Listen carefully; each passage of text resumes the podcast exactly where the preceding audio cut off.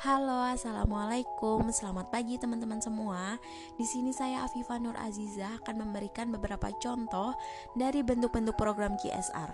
Nah, untuk teman-teman yang kepo nih, jangan lupa dengerin podcast ini sampai akhir ya. Contoh yang pertama ada dari bentuk corporate cost promotion. Nah, salah satu contohnya adalah program 1 untuk 10 yang dijalankan oleh perusahaan Aqua. Program ini berkomitmen untuk memberikan 10 liter air bersih kepada masyarakat yang membutuhkan.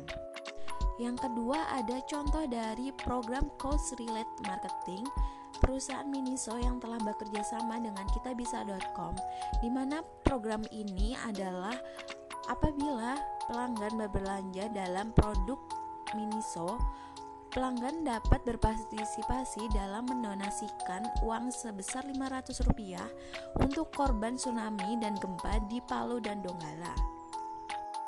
Yang ketiga ada contoh dari penerapan corporate social marketing di Indonesia yaitu ketika produk antiseptik Dettol dan Carrefour bersinergi dalam perayaan Hari Cuci Tangan pakai sabun sedunia. Kampanye ini untuk menyebarkan kesadaran masyarakat terhadap kebersihan tangan agar terhindar dari penyakit.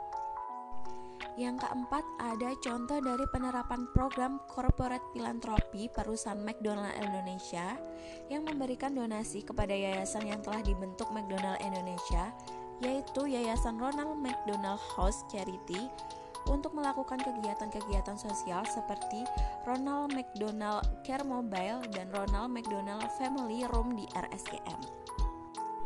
Yang kelima, ada contoh dari penerapan community volunteering yaitu dari perusahaan PT Bank Permata Tbk atau Permata Bank di mana perusahaan ini mengumpulkan dana sebesar 500 juta dari pelaksanaan program dan bisnisnya untuk digunakan dalam pengembangan pendidikan anak-anak dan remaja di Indonesia. Yang keenam atau yang terakhir ada contoh dari penerapan program Social Responsible Business Practice di Indonesia dari Bank OCBC NSP dan OCBC Bank Singapura melakukan penanaman 10.000 bibit mangrove di Pulau Karya, Kepulauan Seribu, Jakarta yang melibatkan 50 karyawan Bank OCBC NISP dan OCBC Bank Singapura serta penduduk lokal.